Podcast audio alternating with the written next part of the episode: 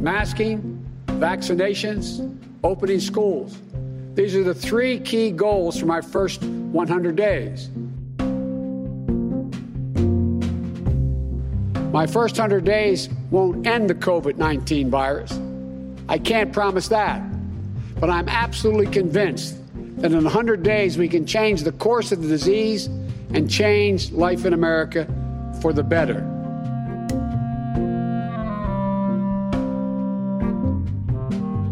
Welkom bij Radio Amerika, de podcast van de Groene Amsterdammer over de Verenigde Staten in 2021.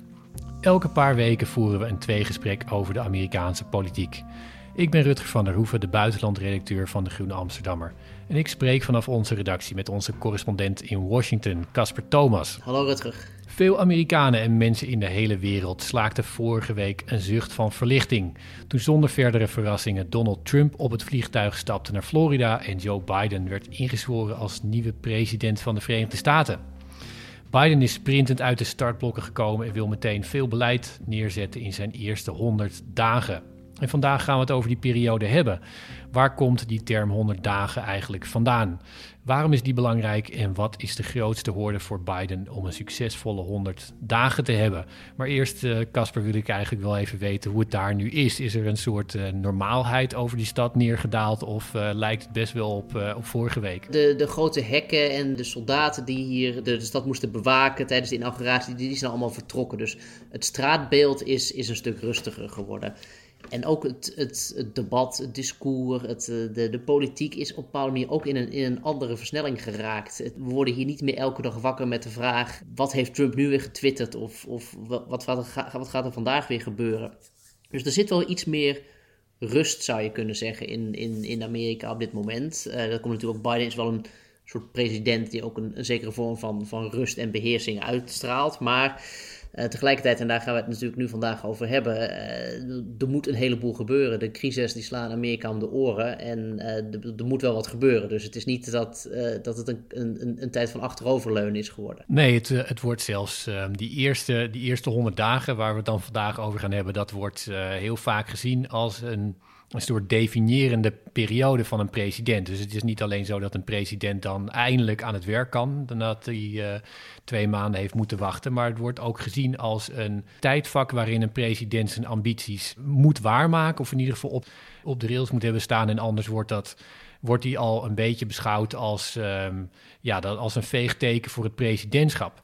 Ik had daar een, um, een boek over gelezen van een historicus die daar best wel best wel een beetje negatief over was. David Greenberg, Republic of Spin, het Inside History of the American Presidency. Die Greenberg die zegt dat er een soort obsessie is bij presidenten en hun staf met die eerste honderd dagen. Uh, dat ze uh, heel erg bezig zijn met ratings, met mediaoordelen. Zelfs met het idee of de president een goede week had gehad of niet. Heel erg bezig zijn met het, met, met het oordeel wat aan het einde van die honderd dagen wacht dat presidenten dus ook zelf die, die mythologie aan het, aan het voeden zijn.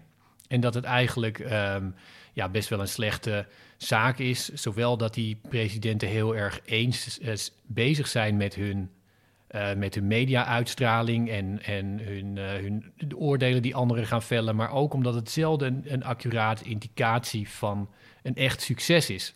Dus dat, ja, dat, dat is eigenlijk een, een beetje een, slechte mythologie, maar wel eentje die heel veel effect heeft. Ja, wij hebben er zelf ook wel eens aan meegedaan volgens mij. Ik kan me nog herinneren dat we bij, uh, na Trumps eerste 100 dagen, hebben we een, een, speciale editie van de Groene Amsterdammer gemahet. Of een, een nummer dat vooral daarover ging. Dus het is ook, en het is ook wel iets handigs natuurlijk. Hè? Dat, een, een soort blok, een soort idee van, nou, dat het, het, het soort wetgevend visitekaartje wordt in die periode afgegeven. En ik denk dat er toch twee redenen zijn om die, om die 100 dagen iets, iets serieuzer en iets ernstiger te nemen dan, dan uh, Greenberg dat uh, doet. En het eerste is, is even iets heel praktisch. Kijk, Biden treedt nu aan uh, onder het gesternte van een heleboel crisis tegelijk. De economie ligt op zijn gat, de COVID woekert door. Er is een voortdurende klimaatcrisis, die is niet nieuw, maar die, is, die, gaat, die gaat maar verder. En er is eigenlijk gedoe over de democratie. De democratie staat onder druk. We hebben de aanval op het kapitool gehad. Dus er is echt heel veel aan de hand. Biden erft een Verenigde Staten in crisis en diepe verdeeldheid. Dus dat maakt die, die druk om echt meteen wat te doen en zo snel mogelijk binnen die 100 dagen aan de slag te gaan nog groter. Uh, ik was eigenlijk ter voorbereiding op de, op de eerste 100 dagen van Biden en daarmee ook op dit gesprek een boek aan het lezen. Dat is geschreven door uh, Jonathan Alter. En die heeft uh, de eerste 100 dagen van Franklin Delano Roosevelt bestudeerd. En dat boek heet The Defining Moment. En FDR was eigenlijk de eerste president die in die eerste 100 dagen zo inderdaad zo hard van start ging. En in zo'n korte tijd zo'n radicale transformatie van, uh, van economie en samenleving teweegbracht. Uh, je moet even bedenken, de crisis van de jaren 30, het is 1933, hij treedt aan. En met grote programma's om uh, de werkgelegenheid weer op peil te krijgen, met, mensen uitkeringen te verlenen, financiële steun, maar ook het aanpakken van de banken, van grote bedrijven. Dat ging allemaal in enorm rap tempo en met, een, ja, met, met, met, met grote streken. En dat heeft een soort, uh, die, die wervelwind, die dus die, die, die eerste honderd dagen uh, die na 1933 onder FDR door Amerika raasde, dat heeft een soort permanent reservoir in Amerika achtergelaten met het idee van, nou, dat is het moment waarop het gaat gebeuren. En het is iets geworden waar iedere president zich vervolgens ook wel een beetje aan wil optrekken. Ja, even een kleine historische kanttekening trouwens. Die 100 dagen, dat, uh, dat komt volgens mij, is dat nog een oudere term. Want dat was de, dat is een term die altijd wordt gebruikt voor Napoleon, voor uh, de honderd dagen waarop hij van, uh, van Elba, van, van Walstak landde in Zuid-Frankrijk en vervolgens in, in Parijs het, het leger kwam ophalen. Althans, het leger dat zou hem gaan arresteren, maar deed het niet. Die liep over naar hem en dat leger nam hij toen mee België in om daar uiteindelijk zijn waterloo te vinden. En dat was uh, 100 dagen, eigenlijk wat langer, maar in ieder geval 100 dagen komt volgens mij daar vandaan. Nou, en dan zou FDR misschien dan de president zijn die er voor het eerst op die manier echt, uh, wij spreken, echt succesvol gebruik van heeft gemaakt van dat idee. Of, of misschien is het gewoon de president die het hardst van start ging in, in crisistijd. En daarom is die parallel met Biden. Biden heeft ook zijn, die, die 100 dagen van FDR ook uitgebreid bestudeerd in zijn campagnetijd. Uh, toen hij nog uh, presidentskandidaat was, uh, heb ik gehoord. Dus het is, wel, het is wel iets waar Biden echt heel erg mee bezig is. En wat ook wel grappig ja. is, dat toen FDR aantrad, was hij ook een beetje de president. Hij werd een beetje onderschat. er was eigenlijk, er was, er was niet zo heel veel fiducie aanvankelijk in de man. En dat geldt natuurlijk ook wel een beetje voor Biden. En dat is misschien ook wel een reden waarom dit soort presidenten extra hard van start willen gaan in die 100 dagen. Om te laten zien dat ze wel degelijk uh, een, een, succesvolle president kunnen zijn. In dat boek van Greenberg staan dan een aantal voorbeelden genoemd van, van presidenten die er heel erg bewust waren dat, ze, dat er een oordeel werd geveld wat aan dat tijdpad hing. Dus Eisenhower was de eerste, die, uh, die baalde ervan dat hij niet zulke goede eerste 100 dagen had. Maar uiteindelijk cruisen die naar zijn herverkiezing en wordt hij als succesvolle president gezien. Kennedy toen voor uh, daarna. Die werd uh, zijn, zijn rechterhand Schlesinger, die zei dat, uh, dat die honderd dagen een val waren. En Kennedy zelf, die, die, die baalde er ook van. Die, die zei kennelijk, I'm sick and tired of reading how we're planning another 100 days of miracles. Mm -hmm. Dat schreven anderen dus in de krant over hem. En omdat hij bang was om uh, voor die honderd dagen en ervan baalde dat hij, dat hij dat al zag hangen, zei hij in zijn inaugurale reden: All this will not be finished in the first 100 days, nor will it be finished in the first 1000 days, nor in the life of this administration or our lifetime on this planet. Oké, okay, dus een, een, een, hele lange tijdshorizon uh, wat dat ja. betreft. Ja.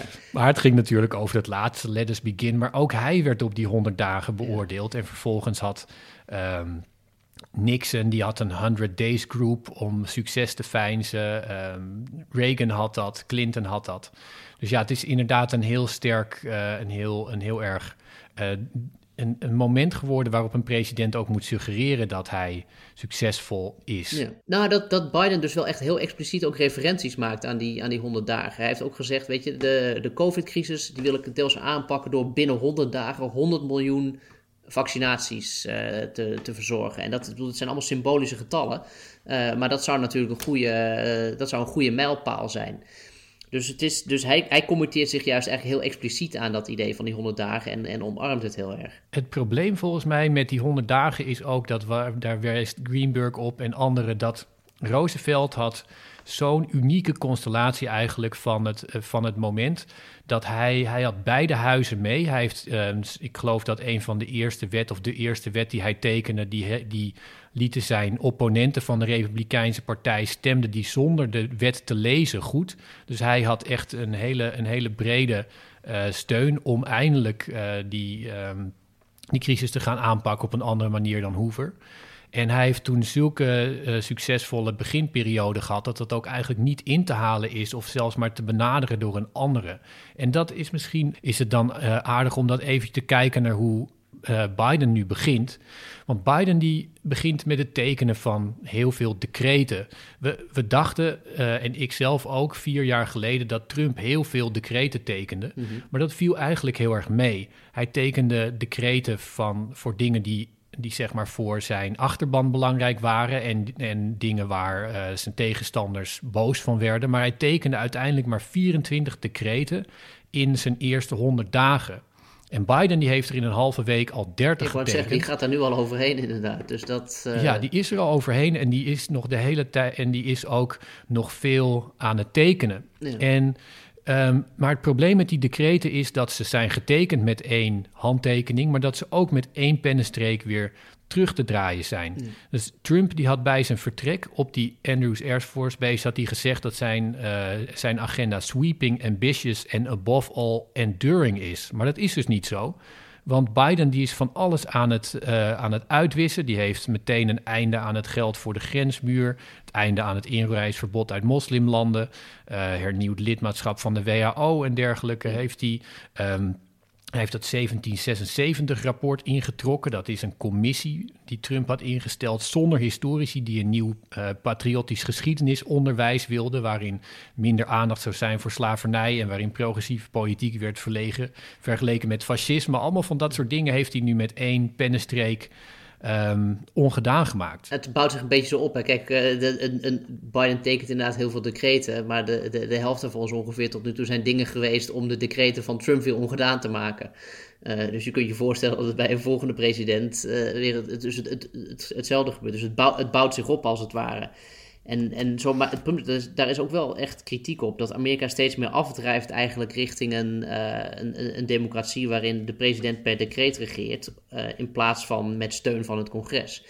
En ik vind wel dat het, het is interessant om een soort onderscheid te maken. Kijk, Biden doet het ook heel erg als een, uh, als een crisispresident. Hij zegt, kijk, we hebben die... Hij heeft een heleboel COVID-maatregelen getekend, een centrale COVID-coördinator aangewezen, onder andere. En er gaat echt ook meer gebeuren op dat gebied. Uh, hij wil een groot economisch stimuluspakket. En dat zijn eigenlijk allemaal maatregelen waarvan je zegt: ja, dat is, dat is logisch dat je daar uh, als president rap mee aan de slag wil en de, dus per decreet doet, want een brand moet geblust worden. Maar dat decreet begint steeds meer een soort noodoplossing te worden, zou je kunnen zeggen, voor dingen die je anders gewoon niet gedaan krijgt, omdat er te weinig steun voor is. Interessant in, in het lijn van wat, je, van wat je nu zegt, is dat president Johnson, die een, een omstreden president is, maar die ook wordt gezien als een van de meest effectieve wettenmakers in de Amerikaanse geschiedenis.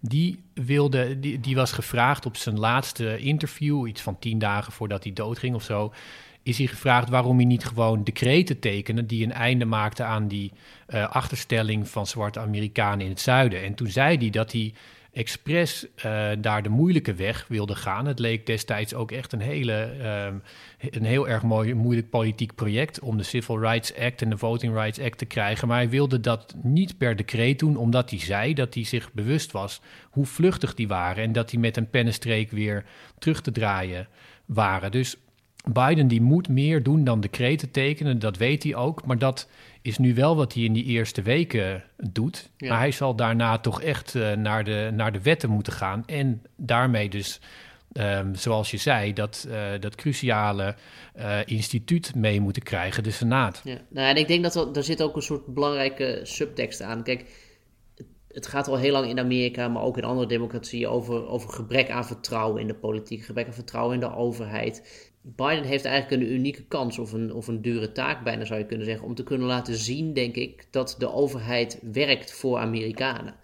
Uh, en de, de, de, context is erna, zou je kunnen zeggen. Er is een, een COVID-crisis, er is een economische crisis, er is een klimaatcrisis. En Biden heeft allebei de, de huizen mee, inderdaad, de Senaat mee en het Huis van Afgevaardigden mee. Dus er is een, er is een ruimte om te laten zien dat, uh, dat politiek in Amerika meer gaat dan alleen maar uh, opgeblazen cultuuroorlogen over, over liberals versus conservatives. En ik denk dat dat eigenlijk de, de, de, de grote vraag van Bidens presidentschap gaat worden. Is, is dat hetgene wat hem, wat hem gaat lukken? Um, maar dat is delicaat, want uiteindelijk zal hij daar inderdaad uh, samen moeten werken met de Republikeinen. Want hij heeft uiteindelijk een aantal senatoren nodig om zijn wetten echt uh, akkoord te krijgen. En dat zul je ook wel beseffen, dat, dat gaat nog best lastig worden. Dat is zeker waar. Maar het is ook zo dat, dat dan nu de, de politieke slag die je nu ziet, die is heel interessant, omdat die dan ook, die gaat precies over dit probleem en die, die wijst eigenlijk een beetje vooruit naar hoe Biden wil gaan regeren. Dus het, het probleem wat nu oplicht is dat Mitch McConnell, de leider van de Republikeinen in de Senaat, die heeft geëist dat Democraten beloven dat ze de filibuster niet gaan, uh, niet, niet gaan veranderen. En dat hij anders niet wil weer meewerken aan een, uh, aan een transitie. Ja, moet je even goed uitleggen wat die filibuster is? Want dat is een van de meest ingewikkelde begrippen uit de Amerikaanse politiek. Ja, daarom denk ik dat jij dat misschien beter uh, kunt, okay, uh, eventjes kunt doen, Casper. Nou, het, het komt er heel gezegd meer. Je hebt een, een, een tweederde meerderheid nodig in de Senaat om op een gegeven moment de wetge de, het debat over de wetgeving te sluiten en uh, te zeggen: oké, dit, dit hebben we aangenomen. En zolang je, je niet die tweederde meerderheid dus eh, hebt, dus dat, uh, of, of zijn het er 60, nu moet, dat is, dan even, moet ik even van afwezen. Ja, 60 van de, 60 van de 100 Klopt, zijn ja. er nu nodig de filibuster voor, is voor filibuster 60 inderdaad. De, er zijn sommige wetten waar je tweederde meerderheid voor nodig hebt en dat zouden dan weer 67 zijn. Maar je hebt dus die, die 60 stemmen nodig om eigenlijk naar een stemming te gaan. En op het moment dat je dat dus, dus de Republikeinen, die, de, de Democraten hebben er 50, dus je hebt 10 Republikeinen nodig die meegaan en zeggen: Oké, debat afgelopen, tijd voor een stemming. Maar dat betekent dus dat zolang ze dat niet doen, ze wetgeving tot in de eeuwigheid kunnen tegenhouden. En dat is in de afgelopen jaren onder Trump en ook onder, onder Obama is dat ontzettend veel uh, gebeurd. Uh, de Senaat als, als blokkade-instrument. Dus de vraag is: gaat uh, die filibuster verbroken worden? En zoals je al zei, McConnell, de voorzitter van de Republikeinen, heeft gezegd: Nou, hij moet in stand blijven. Want hij wil natuurlijk als Republikeinse partij zeggenschap houden over de agenda. Maar wat ze daarvoor terug moeten geven in de ogen van de Democraten is, is toch wel enige vorm van medewerking. En dat is het spel wat zich de komende tijd gaat aftekenen.